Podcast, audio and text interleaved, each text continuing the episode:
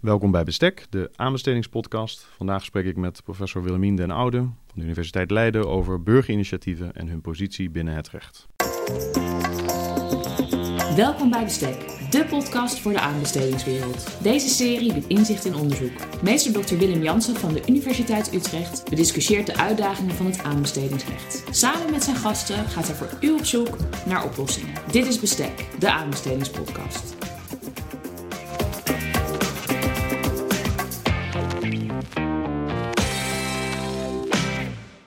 De participatiemaatschappij.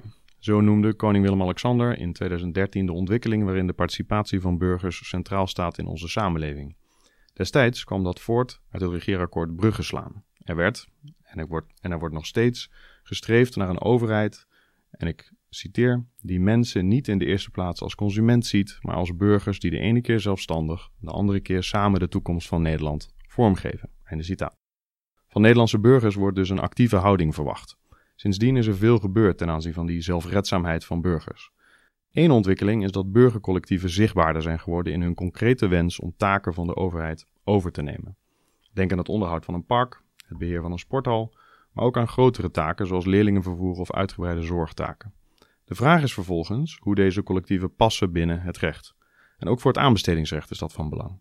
Welke positie nemen deze nieuwe, tussen aanhalingstekens, aanbieders van taken in binnen dit rechtsgebied?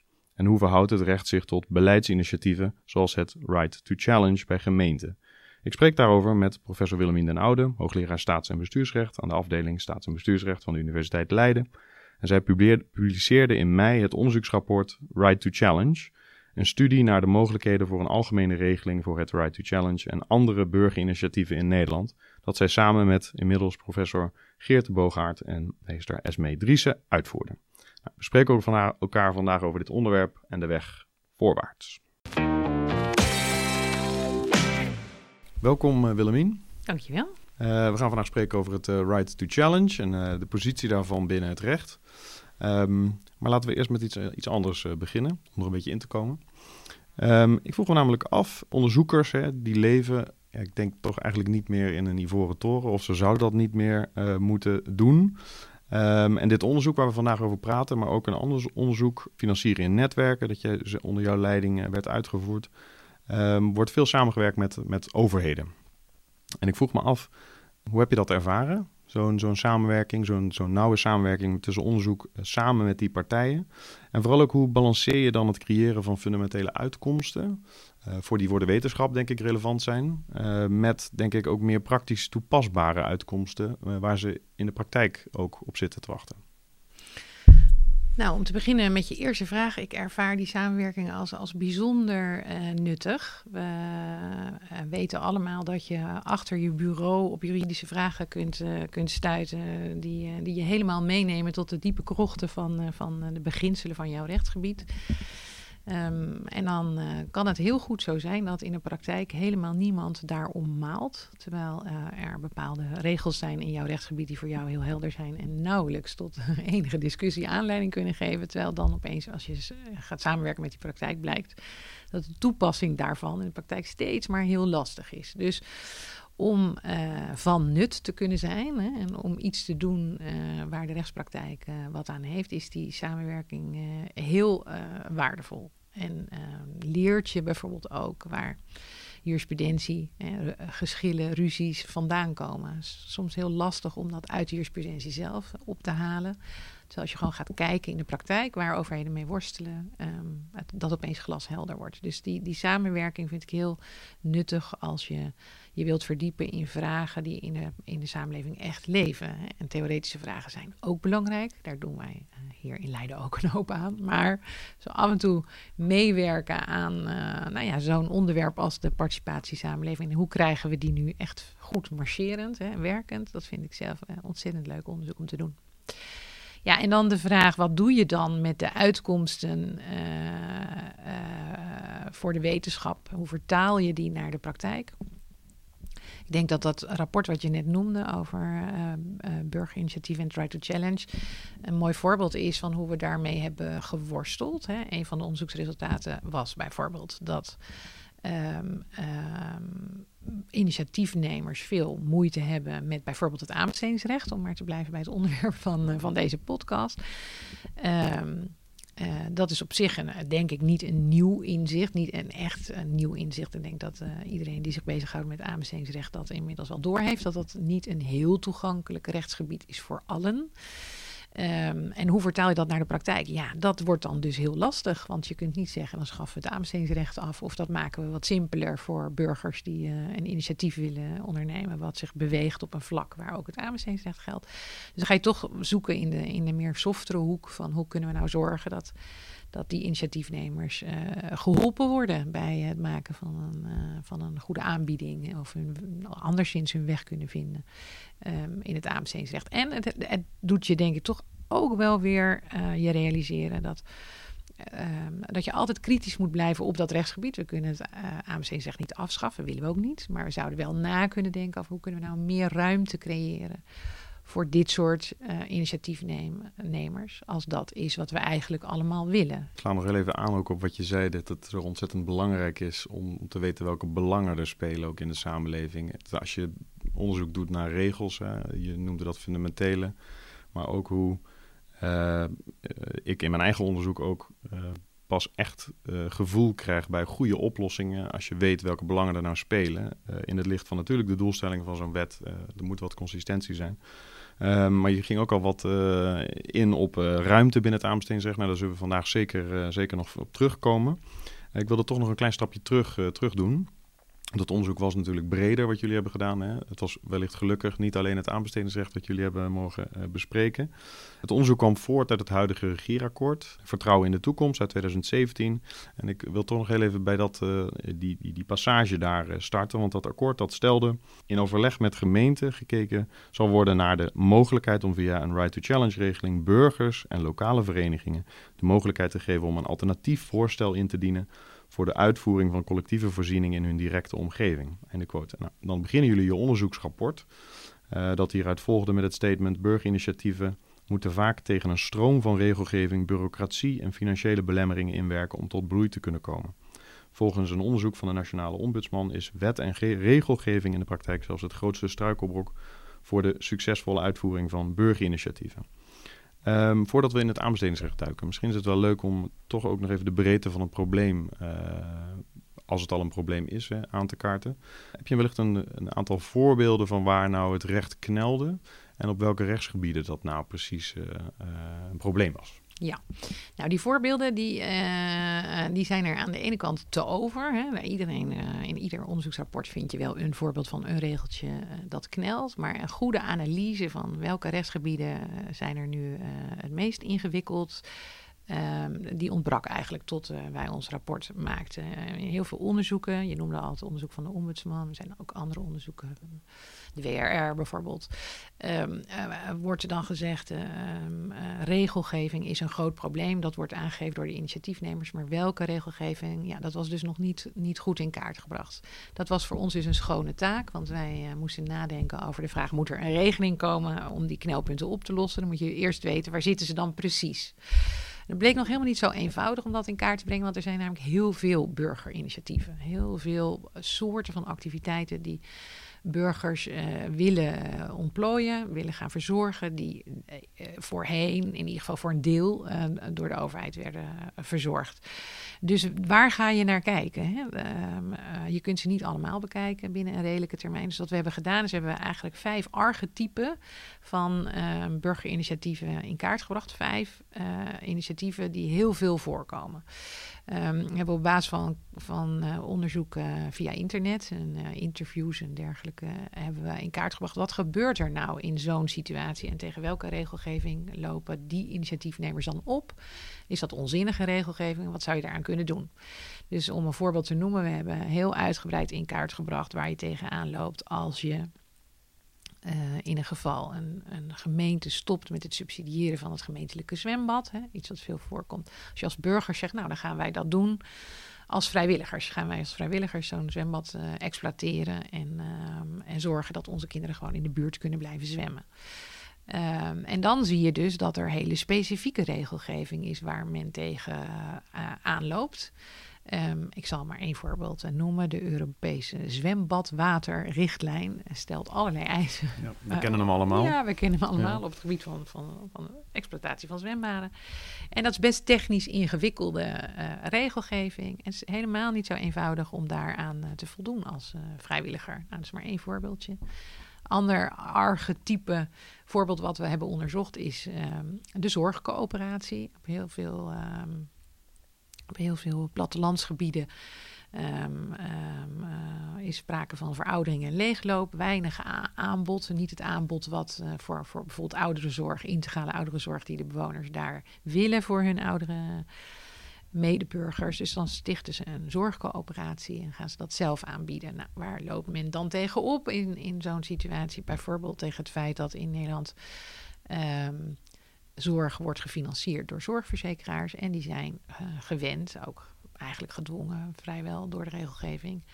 Uh, om um, uh, producten te subsidiëren en, of, of, financieren. En een product is iets anders dan integrale zorg. En bovendien zijn hun systemen helemaal ingericht op het aanbieden van geld aan zorgaanbieders. En dat is toch iets anders dan een burger die eigenlijk hetzelfde gaat doen als die zorgaanbieder deed. Uh, en voor je dat ingeregeld hebt, ben je dus een heleboel uh, stappen verder. Dat zijn nou zomaar twee voorbeelden van regelgeving waar men dus vrij massaal tegenaan bleek te lopen. Vrij casusgericht dus, ligt eraan wat je wil gaan doen zijn ook rechtsterreinen waarvan we hebben kunnen vaststellen dat die vrijwel altijd een probleem vormen. Die zijn eigenlijk nog interessanter natuurlijk. Um, en daaronder bevond zich het aanbestedingsrecht, omdat dat toch al vrij snel ingewikkeld wordt op het moment dat een, uh, het overnemen van een taak lijkt op het verstrekken van een opdracht van overheidswegen. Zeker als hij dan boven de drempels komt, dan komt het aanbestedingsrecht altijd in beeld. Uh, maar het subsidierecht is eigenlijk ook heel vaak uh, um, interessant en problematisch. Hetzelfde geldt voor het uh, rechtspersonenrecht. Welke rechtsvorm kies je nu als, als, initi als initiatiefnemer? Wat zijn de fiscale gevolgen daarvan? Nou, legio aanvragen.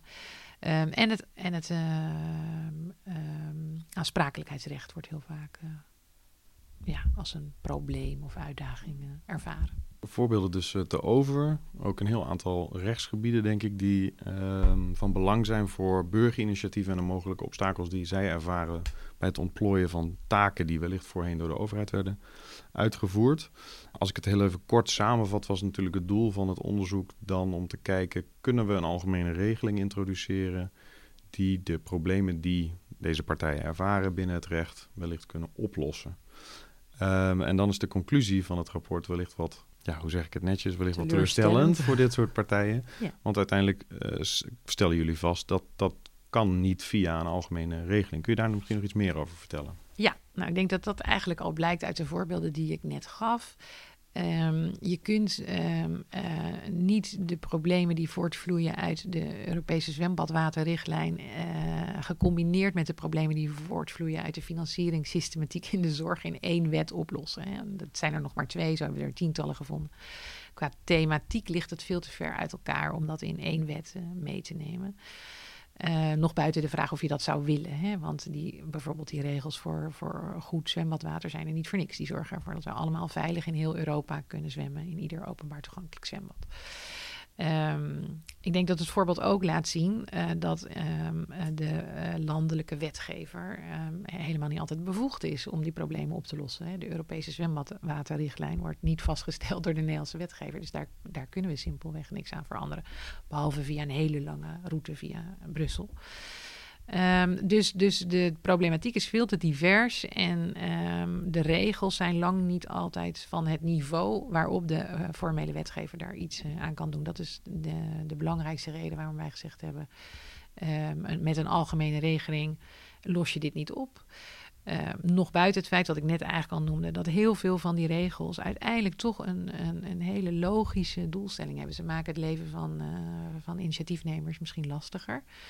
Maar we hebben geen regels uh, aangetroffen waarvan we hebben gezegd, nou dat is toch eigenlijk echt onzinnig. Die zou je gewoon moeten afschaffen voor initiatiefnemers. Er zit eigenlijk altijd wel een ratio achter belangen achter die ook bescherming verdienen. Dus in die zin, uh, nee, geloven wij niet dat een, uh, een uh, regeling op het right to challenge of burgerinitiatieven een oplossing zal vormen. Het is interessant wat je zegt ten aanzien van die richtlijnen. Hè? Ik bedoel, het zal hetzelfde zo gelden voor het aanbestedingsrecht. Um, een Nederlandse regeling die uiteindelijk um, een aanbestedingsplicht zou beperken, want daar gaat het natuurlijk in dit geval over, uh, zal eigenlijk per definitie strijdig zijn met de richtlijnen. Uh, dus is het inderdaad meer de lange adem, mochten we meer ruimte willen creëren, wat jij net al noemde. Wat ik in ieder geval interessant vond, ook in het, in het rapport, het toepassen ook op het aanbestedingsrecht, is de vraag vooral, of in ieder geval voor het aanbestedingsrecht is dat van belang. Is er nou ruimte voor ongelijkheid? Um, en wat bedoel ik daarmee?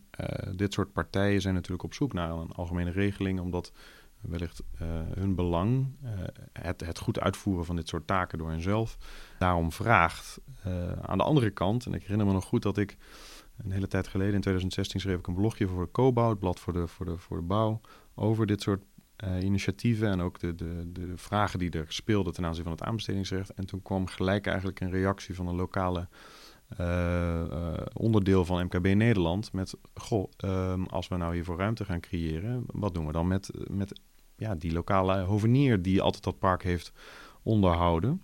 En de vraag is dan eigenlijk, kunnen we een karakterschets maken van een burgerinitiatief door te zeggen, een burgerinitiatief is anders dan een start-up of anders dan een MKB-bedrijf, wat wel essentieel zou zijn, denk ik, voor bevoordeling binnen bijvoorbeeld het aanbestedingsrecht of een andere positie in andere rechts, rechtsgebieden. Ja, dat is een heel ingewikkelde vraag. We hebben in ons onderzoek wel vast kunnen stellen dat de logica van het aanbestedingsrecht, hè, zoals je dat eigenlijk nu net omschrijft, een logica die we inmiddels in het subsidierecht ook hebben omarmd, hè, de, de, gelijke kansen en de transparante en eerlijke behandeling van iedereen die aanspraak wil maken op voordelen van de overheid. Um, die logica, die uh, begrijpen initiatiefnemers helemaal niet. Die worden erg gestimuleerd in de gedachte dat zij een bijdrage uh, leveren aan het algemeen belang. Dat zij dat ook kunnen, omdat zij specifieke kennis hebben van de lokale omstandigheden, specifieke expertise, specifiek enthousiasme. Um, en dat hun uh, aanbod, hun product dus uniek is.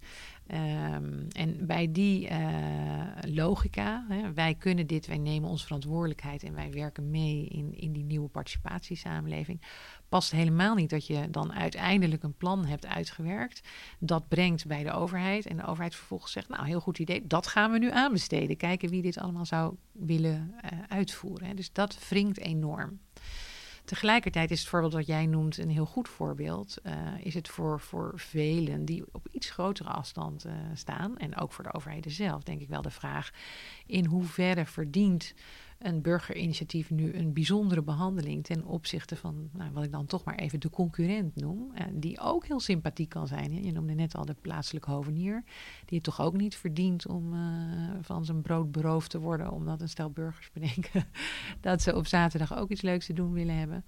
Um, en zo zijn er heel veel meer voorbeelden van lokale ondernemers die, uh, die nog niet eens een sociale onderneming hoeven te zijn. Uh, maar die ook gewoon bescherming verdienen op, uh, op een eerlijke markt.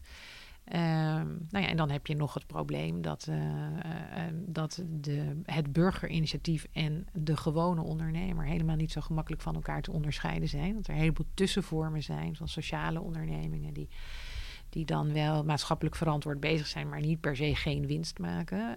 Nou, daar worden rapporten over volgeschreven, ook op Europees niveau. En um, als één ding duidelijk wordt, dan is het wel dat daar een verloop zit. Iets kan beginnen als een, als een burgerinitiatief en eindigen als een zwaar commerciële onderneming. Ik noem zelf altijd het voorbeeld van Le Leger des Heils. Begonnen als een, als een burgerinitiatief en inmiddels een onderneming met. Uh, uh, meer dan 500 miljoen uh, omzet per jaar. Ik denk dat we toch niet zouden kunnen zeggen dat we daar nog hele bijzondere regels voor, voor moeten gaan toepassen.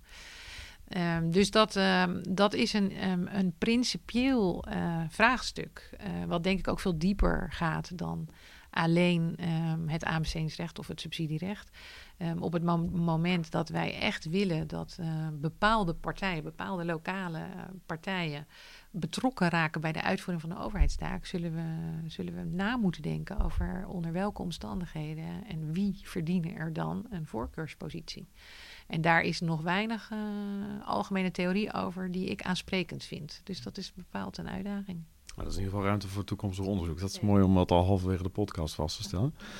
Wat in ieder geval, kijk, uh, ook aanbestedingsrechtelijk, hè, als je naar die verschillende partijen kijkt, ja, we, we, kennen niet het begrip burgercollectief in het aanbestedingsrecht. Hè. Het is gewoon een onderneming die inschrijft. En als je dan kijkt naar die definitie, elke natuurlijke of rechtspersoon of openbaar lichaam of een combinatie van deze personen en of lichamen met inbegrip van alle tijdelijke samenwerkingsverbanden van ondernemingen die de uitvoering van werken en of een werk, de levering van producten en of het verlenen van diensten.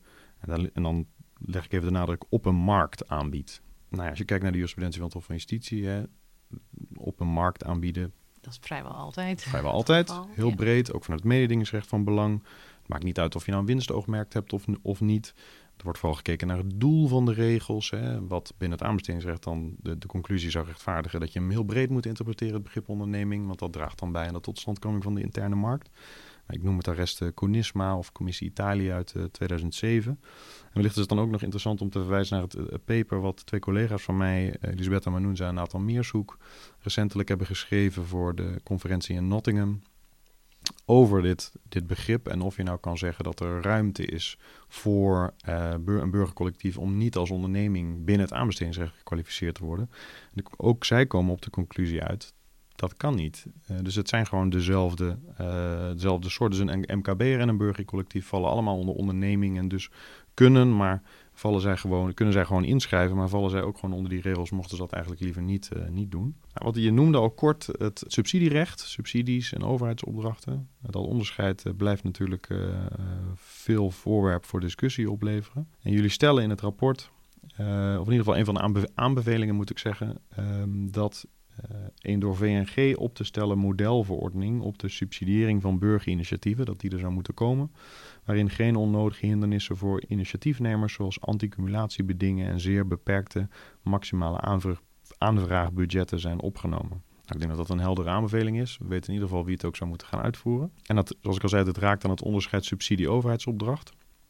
Nou, ik denk dat veel subsidies momenteel eigenlijk overheidsopdrachten zijn, uh, hoewel ze worden bestempeld en, en, verdeeld als zijnde een subsidie. Want de gedachte die bij mij vaak opkomt, uh, stel ik ben bewoner, uh, ik woon zelf in Utrecht en een, een, park wordt daar onderhouden door een hoveniersbedrijf wat altijd aanbesteed is. Vervolgens, zoals de gemeente Utrecht ook graag wil, het Right to Challenge komt naar voren. En een lokale partij, een lokaal collectief in de, in de wijk Witte Vrouwen die wil aan de slag met dat onderhoud. Ik zou dan toch eigenlijk wel graag willen dat ze dat, dat, ze dat onderhoud daadwerkelijk doen. En dan komt er al snel een, een, uitvoeringsverplichting naar voren. Um, wat voor dat onderscheid denk ik nog steeds het kenmerkende verschil is tussen subsidie en overheidsopdracht. En ik vroeg me af hoe jij daar precies uh, naar kijkt, naar dat onderscheid. Ik weet dat je inmiddels bezig bent met het herschrijven van het boek uh, Subsidierecht, als ik het goed zeg. Ja, dat klopt. Um, dus dat daarover meer volgend jaar hopelijk. Um, maar toch even terug naar dat, dat onderscheid subsidie. Ja, dat onderscheid subsidie overheidsopdracht. Ja, dat is natuurlijk een, eh, een heerlijk onderwerp om maar over te blijven schrijven. Blijft ook maar over geprocedeerd worden. En um, het is uh, een grijs gebied. Um, ik denk dat we kunnen vaststellen dat je uh, soms als overheid kunt kiezen of je iets subsidieert of aanbesteedt. Um, het belangrijkste verschil in mijn ogen is dat een uh, opdracht, een overeenkomst betekent onder bezwarende titel naar, naar Europees recht. En dat betekent dat er een verplichting is om, om een prestatie te leveren. En als je een subsidie verstrekt, uh, naar Nederlands recht, dan is naar Nederlands recht uh, het zo geregeld dat er geen nakomingsverplichting is voor degene die subsidie ontvangt. Betekent natuurlijk niet dat hij niks hoeft te doen, uh, maar wel dat, de, dat die, de overheid niet naar de rechter kan stappen om naleving af te dwingen. dan staan er andere handhavingsmiddelen ter beschikking, die overigens in de praktijk vaak heel effectief blijken te zijn. Uh, zoals bijvoorbeeld het stopzetten van de voorschotten of uh, het terugvorderen van eerder verstrekte gelden bij, uh, bij dwangbevel. Um, dus um, ja, je kunt vaak als overheid kiezen. verstrek ik, verstrek ik een, een opdracht met een overeenkomst en dan zit daar natuurlijk een nakomingsplicht bij. En dan zit je al snel in de sfeer van het aanbestedingsrecht. Of zeg je nee, ik ga stimuleren. Um, en dan geef ik een beschikking. Uh, en zolang ik daar nou maar geen uh, uh, uitvoeringsovereenkomst bij sluit, blijf ik in de sfeer van het subsidierecht. Nou is alleen een probleem dat in de praktijk, precies waarschijnlijk om de redenen die jij net noemt, overheden het wel fijn vinden dat ze zekerheid hebben dat de activiteiten die ze willen subsidiëren ook uitgevoerd zullen worden. En dan kun je een, naast de beschikking een uitvoeringsovereenkomst sluiten, zo zegt de wet. Artikel 436 voor degene die dat een interessante bepaling vinden van de AWB zegt dat dat kan. En het staat ook vast dat je daar een uitvoerings, in zo'n uitvoeringsovereenkomst uh, een nakomingsplicht kunt opnemen. En dan creëer je dus eigenlijk een subsidie met een nakomingsplicht. En ik denk dat we dan kunnen vaststellen op, op basis van heel recente jurisprudentie ook van het Hof van Justitie dat je dan uh, een aanbestedingsplichtige subsidie aan het creëren bent. Uh, dus dat is uh, bepaald, een ingewikkeld, bepaald een ingewikkeld onderwerp. Maar om terug te komen op jouw voorbeeld. Het lijkt mij evident dat de gemeente voor het groen onderhoud door de plaatselijke hovenier een overeenkomst heeft afgesloten. Maar dat het ook mogelijk is om in plaats daarvan de dames uit de wijk te subsidiëren. En zolang men nou maar geen nakomingsplicht opneemt, um, je toch meer in de sfeer van de subsidierecht zit dan in uh, de sfeer van het AMC-recht. En dan zo zie je dat je, dat je dus als uh, overheid ook een beetje kunt spelen met die instrumenten. Ja, ik kan me voorstellen dat de onduidelijkheid die er zit tussen deze twee rechtsgebieden ook niet ten goede komt aan de, uh, het, het, vertrouwen wat bijvoorbeeld beleidsmakers of begeleidende ambtenaren hebben binnen de overheid om volmondig ja te zeggen op dit soort uh, initiatieven. Dus dat maakt het lastig. Dus wat extra duidelijkheid zou zeker, uh, zou zeker mooi zijn. Um, als we dan gaan kijken naar oplossingen. Hè. We hebben het nu veel gehad over wat, wat taco eigenlijk het aanbestedingsrecht mogelijk wel niet kan zijn. Wat ik in ieder geval een interessante conclusie vond, en je verwees er net al kort naar, hè, dat burgerinitiatieven de ruimte moeten krijgen, zal steeds moeten worden afgewogen, en ik citeer nu het rapport, tegen de belangen die door deze regelcomplexen worden beschermd zoals de veiligheid voor andere burgers, bescherming van de publieke financiën en het waarborgen van de eerlijke concurrentieverhoudingen. Nou, vooral die laatste twee, denk ik, de, de publieke financiën, maar zeker ook het waarborgen van die eerlijke concurrentieverhoudingen. Dat is denk ik een verwijzing naar het aanbestedingsrecht en ik volg dat dan ook uh, geheel. Bij het lezen van jullie rapport, en jullie verwijzen er zelf ook naar, uh, kwam steeds de gedachte op, um, is er niet ruimte binnen het aanbestedingsrecht zelf al? Is er dan al niet voldoende ruimte om uh, dit soort initiatieven, waarbij ook ik een fantastisch onderbuikgevoel krijg. Uh, ik woon zelf in een leefstraat in Utrecht, wat betekent dat die straat dicht gaat. Nou, ik denk dat we dat ook wel in de zomer, deze komende twee maanden, als een burgercollectief kunnen uh, bestempelen. We hebben ook een aanvraag gedaan bij de gemeente. Er is wat financiën vrijgekomen. Die straat gaat dicht. Dat kan nu geleefd worden deze, deze zomer. Maar zeker ook omdat daar voor dit soort initiatieven en voor wat serieuzere taken, laat ik het ook niet overdrijven, dat daar ruimte voor komt, ook binnen het aanbestedingsrecht. Uh, als ik kijk naar de, naar de regels, uh, een nadruk op kwaliteit kan denk ik zeker, zeker helpen voor dit soort uh, burgerinitiatieven. Ze zullen vaak niet de scherpste prijs aanbieden, maar wellicht wel een goede kwaliteit kunnen garanderen vanuit de passie die ze, die ze hebben. Maar vooral denk ik ook het gunnen in perce percelen en vooral het, het, voorbehouden van een perceel. Ik wijs naar artikel 2 uh, 18 van de aanbestedingswet. Kan zeker zo'n voorbehouden perceel nuttig zijn voor een, um, voor een, uh, een burgercollectief. En je verwees net al kort naar de voorbehouden eigenlijk, hè, de sociale onderneming. Um, kijk, voor uh, twee soorten groepen, specialere ondernemingen eigenlijk. De wet verwijst wel bijvoorbeeld wel naar een participatiemaatschappij in 282 en in 282a. Wordt er ruimte gegeven voor bepaalde partijen om uh, of vooral voor de overheid moet ik zeggen, om direct een overheidsopdracht te gunnen aan zo'n partij. Nou, natuurlijk zitten daar strikte voorwaarden aan. Bij de een moet een bepaald percentage bijvoorbeeld een afstand hebben tot de, tot de arbeidsmarkt. En bij de ander moet het echt gaan om een herinvestering van winst, et cetera, et cetera. Met deze voorbeelden probeer ik daarmee te zeggen, is denk dat er veel ruimte is binnen het aanbestedingsrecht om uiteindelijk dit soort partijen ook te accommoderen. En eigenlijk zijn dat dezelfde gedachten die we al verder uitgekristalliseerd zijn ten aanzien van het MKB. Hè? De toegang voor, van het MKB tot aanbestedingen blijft gewoon een, speerpunt ook van de aanbestedingswet.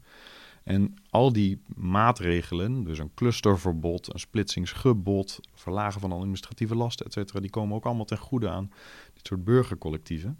Ik had de indruk dat ook met deze conclusie of deze, dit scala aan mogelijkheden, dat jullie ook daardoor in je rapport uitkwamen bij aanbevelingen die wellicht wat meer de zachte kant, tussen aanhalingstekens, van uh, het aanbestedingsrecht uh, benaderen. En niet zozeer aanpassing uh, van die regels. Nee, dat klopt. Het grappige van het hele onderzoek is dat we met veel verschillende experts hebben gesproken. Onder andere op het gebied van het aanbestedingsrecht, maar bijvoorbeeld ook op het gebied van het rechtspersonenrecht of aansprakelijkheidsrecht. Dat daar steeds um, dezelfde conclusie uitgetrokken kon worden. Je kunt zo'n uh, rechtsgebied niet afschaffen of heel fundamenteel veranderen, omdat er serieuze, te respecteren belangen worden beschermd. Binnen zo'n rechtsgebied echter is er vaak heel veel mogelijk. Hè? Jij noemt zelf voor het aanbestedingsrecht al een heel uh, scala aan mogelijkheden. Uh, ik zou daar nog aan toe kunnen voegen dat je bijvoorbeeld in uh, um, um, de doelstellingen van zo'n opdracht heel duidelijk op kunt nemen. Dat er een nauwe aansluiting moet zijn bij, bij de lokale bevolking. Of, hè, er zijn allerlei mogelijkheden om de opdracht zo te omschrijven dat burgerinitiatieven daar een logische partner uh, worden. Um, nou, dat, dat, uh, die mogelijkheden moeten beter worden verkend en in kaart gebracht. Hè, in het aanbestedingsrecht, maar ook op die andere rechtsterreinen. En vervolgens moeten ze, uh, moeten ze naar die partijen toe worden gebracht. Want uh, het grappige is dat wij op ieder rechtsgebied wel experts konden vinden die aan konden geven hoe je binnen het huidige systeem meer ruimte zou kunnen creëren.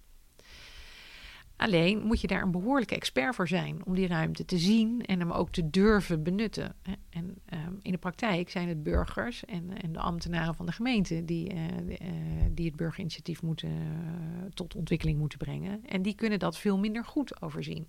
Dus ik denk dat daar een hele schone taak ligt voor onze experts en deskundigen. Om dus veel informatie, concrete handvatten te geven van wat kan er dan wel en hoe doe ik dat dan zonder dat ik de wet overtreed. En dat is eigenlijk, uh, daar zijn veel van de aanbevelingen die wij hebben geschreven op gebaseerd. Op, op die gedachte van het kan allemaal wel, maar de mensen die het moeten doen weten niet hoe. Dus laten wij nu uh, een interface geven tussen het recht en, en, en hun beleving. En vrij stapsgewijs aangeven waar ze het moeten zoeken, die ruimte. Ik denk dat dat ook een mooi, mooi uh, ezelsbruggetje oplevert ten aanzien van het dienstbaarheidsbeginsel. Dit soort partijen, uh, en ik ben het daar helemaal mee eens, hebben denk ik nog meer hulp nodig bij bijvoorbeeld het inschrijven op een aanbesteding. Kijk, ik realiseer me ook heel goed als ik zeg, ik denk dat er al aardig wat ruimte binnen het aanbestedingsrecht is, dat het dan niet makkelijker wordt om in te schrijven. Het kan de gemiddelde grote, aan, grote inschrijvende partij heeft een heel tenderteam, tekstschrijvers, et cetera, et cetera. Uh, met tech techneuten die daar input op leveren. Dus dat is een heel apparaat. En uh, ja, voor een burgercollectief is dat allemaal nieuw, is dat anders. Uh, komt wellicht, hoe goed zo'n aanbieding dan ook is, dat niet helemaal naar voren. Dus ik denk dat ondersteuning daarbij heel nuttig, nuttig kan zijn. Overigens denk ik dat dat nuttig is in brede zin. Hoor. Ook voor kleinere MKB-partijen die daarmee mee worstelen. Stel nou dat we dat juridisch wat willen verankeren of wat meer body willen geven. Los van het feit dat het denk ik een heel een fantastische oproep is. Uh, in jullie rapport verwijzen jullie dan naar een dienstbaarheidsbeginsel. Ja. Um, wat zou dat inhouden en hoe, uh, hoe moeten we dat voor ons zien? Want het is in ieder geval nog geen aangenomen beginsel, denk ik, binnen het recht. Nee, het is niet een beginsel waar we al heel standaard mee werken. Ik kan wel erover vertellen dat het dienstbaarheidsbeginsel is opgenomen in een ontwerp van een algemene wet bestuursrecht voor de, voor de Europese Unie. Die moet nog verder worden ontwikkeld en belangrijker nog worden aangenomen. Zeker niet vanzelfsprekend dat dat gaat gebeuren. Maar in de, in de eerste teksten voor die, uh, voor die uh, algemene wet bestuursrecht voor, voor de EU is zo'n dienstbaarheid beginsel opgenomen. Dat be betekent concreet dat je de burger als ambtenaar van, van, van de EU in dit geval, maar dat kun je natuurlijk ook op ambtenaren van Nederland toepassen, dat je de burger vriendelijk en correct en behulpzaam moet benaderen, allerlei onnodige hindernissen weg moet laten en, en je dus letterlijk dienstbaar moet opstellen voor die burger om, om binnen dat publieke recht zijn doelstellingen te verwezenlijken. We hebben het ook gezien in ons onderzoek. We zijn natuurlijk ook op zoek gegaan naar uh, burgerinitiatieven die wel werken, die wel tot bloei komen. En als we aan die initiatiefnemers vragen, maar hoe zat het dan met jullie problemen met het wettelijk stelsel? Dan hoor je altijd hetzelfde antwoord. En dat is namelijk dat er, dat er ambtenaren waren die zich dienstbaar hebben opgesteld. En die hen door het doolhof van de toch wel ingewikkelde regelgeving, maar ook door het doolhof van de verkokerde arm, uh, overheidsorganisatie met allemaal verschillende afdelingen, met allemaal hun eigen systeempjes en regels die, die niet op elkaar aansluiten of nauwelijks toegankelijk zijn voor burgers. Dat zij dus door een, een dienstbare am, ambtenaar bij de arm zijn genomen die hen daar doorheen heeft geleid. En dan blijkt er dus heel veel wel te kunnen. Ehm, ja, en hoe leg je dat nu juridisch vast? Dan kom je dus toch gewoon bij zo'n heel algemeen beginsel, waarvan wij dan voorstellen om die op te nemen in de Algemene Wet Bestuursrecht, zoals die in Nederland geldt, als ehm, algemeen beginsel van behoorlijk bestuur. Het is heel moeilijk om dat verder te concretiseren dan met zo'n, met zo'n algemene gedachte dan dat, dat, een uh, ambtenaar moet helpen als de burger dat uh, nodig heeft. Uh, maar het leek ons niet slecht om ambtenaren toch in zo'n hele algemene wet eraan te herinneren waarvoor zij er nu eigenlijk zijn. En dat is toch naar mijn smaak om in de samenleving te helpen. Zeker een interessante gedachte, denk ik, een dienstbaarheidsbeginsel. Ik zit ook gelijk na te denken hoe dat nou zou inpassen in de aanbestedingscontext. En wellicht hebben we dat beginsel eigenlijk al wel. Kennen natuurlijk gelijkheid, transparantie, proportionaliteit. Sommigen zeggen zelfs wel een beginsel van de mededinging of objectiviteit. Maar als ik artikel 1.6 van de aanbestedingswet lees, lees, daar wordt daar gewoon een zorgplicht opgelegd aan aanbestedende diensten of speciale sectorbedrijven. En daar staat letterlijk zodat er, zij een zo groot mogelijke beperking van de administratieve lasten moeten creëren. Nou, dat, dat zou in ieder geval al helpen, denk ik, voor uh, burgercollectieven die uh, op zoek zijn naar een dienstbare overheid. Zeker, ik zou dat ook wel als, onder, als onderdeel van een dienstbaarheidsbeginsel uh, zien. Hè? Dus misschien nog iets anders dan het actief helpen bij het, uh, het vormgeven van een goede aanbieding. Hè? Maar als onderdeel van het dienstbaarheidsbeginsel, ja, valt het zeker te plaatsen. Het is in ieder geval een begin. Het is een begin, ja. precies. Um, dan tot slot, want we moeten gaan, we moeten gaan afronden. de vraag die ik altijd stel, stel je mag 3, 2, 1, 4 ik geef je wat ruimte, eh, dingen aanpassen in de aanbestedingswet of gewoon de wet. Of juist in de praktijk, wat zou je dan, uh, wat zou je dan doen? Ja, nou ik denk uh, dat ik één voorstel net al heb besproken met jou. Hè, dat van het dienstbaarheidsbeginsel opnemen in de algemene wet bestuursrecht. Dat lijkt me eigenlijk gewoon een heel goed idee. En, en dan is hij ook gelijk breed, dan is dat beginsel gelijk breed toepasselijk op al het handelen van, van overheden. Um, dus dat staat bij mij uh, op nummer één.